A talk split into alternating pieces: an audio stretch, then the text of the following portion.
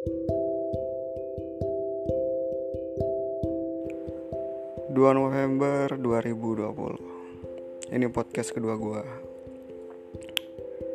Dan di sini gue cuma mau kasih pesan Bahwa berhati-hatilah dengan apa yang kalian inginkan. Entah itu karir ataupun percintaan kalian. Siapa sih yang gak mau karir kita bagus? Siapa sih yang gak mau percintaan kita itu berjalan dengan mulus? Pasti kita semua mau dong tapi di sini gue mau tekankan, berhati-hatilah dengan apa yang kalian inginkan.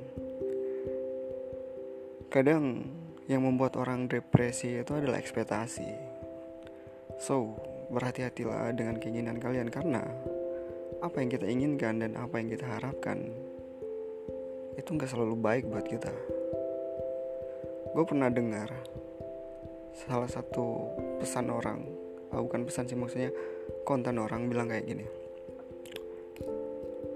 Gue mau punya pasangan yang good looking tapi gue nggak nyaman sama dia.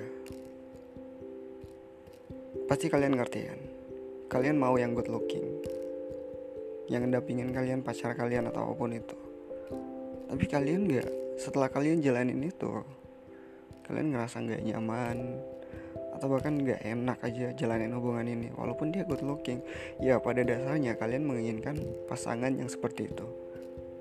Tapi setelah bersama dan ngejalaninya itu sebenarnya kalian nggak butuh itu. Karena keinginan dan kebutuhan sangat bertentangan ya. Beda banget. Jadi ya gue cuma mau pesan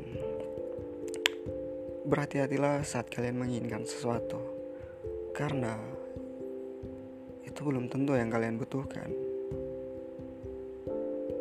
ya semoga podcast kali ini gue bermanfaat buat kalian lah.